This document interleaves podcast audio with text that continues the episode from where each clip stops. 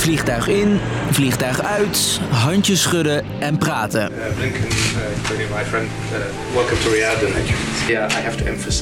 Vliegtuig weer in, ander land en opnieuw handjes schudden en praten.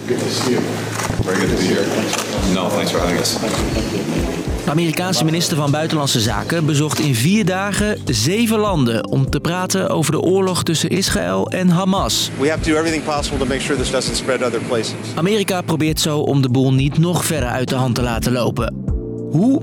Dat zoek ik, Jasper, deze aflevering voor je uit. Lang verhaal kort.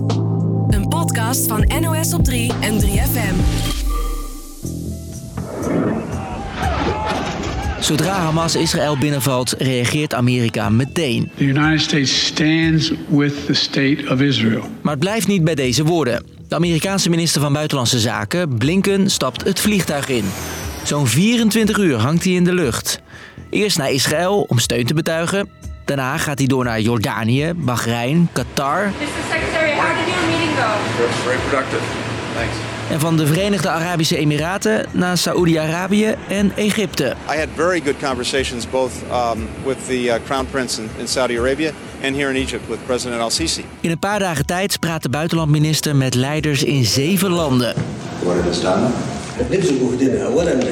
En ook president Biden pakt straks het vliegtuig naar Israël voor een bezoekje aan premier Netanyahu. He's coming here at a critical moment for Israel, for the region and for the world.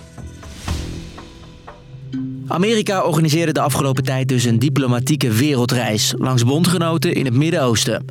Het belangrijkste doel? Hij wilde voorkomen dat er escalaties zou komen in de regio. Dat vertelt Leo Kwarte bij Nieuwsuur. Hij doet onderzoek naar de Arabische wereld aan de Universiteit van Leiden. Ten tweede probeerde Blinken om alle bondgenoten van Amerika op één lijn te krijgen. Eigenlijk ook om ze het geweld door Hamas te laten veroordelen. Maar deze landen zijn ook kritisch op de aanvallen van Israël in Gaza, zoals Qatar. We believe that human beings are human beings everywhere, whether they are in Israel or Palestinians. Juist dat gesprek met Qatar is volgens Leo belangrijk, want Amerika heeft het land nodig. Om uh, boodschappen over te brengen tussen Iran en de Verenigde Staten. Die praten niet direct die landen, maar dat gaat dan via Qatar. Iran is de belangrijkste bondgenoot van Hamas, maar ziet dus niets in een direct gesprek met Amerika.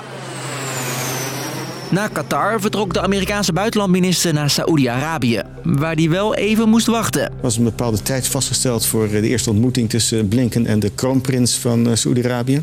Dat tijdstip werd gewoon een paar uur uitgesteld. Deden ze volgens Leo bewust, want Saoedi-Arabië vindt dat Amerika te veel de kant van Israël kiest. Civilian populations on both sides.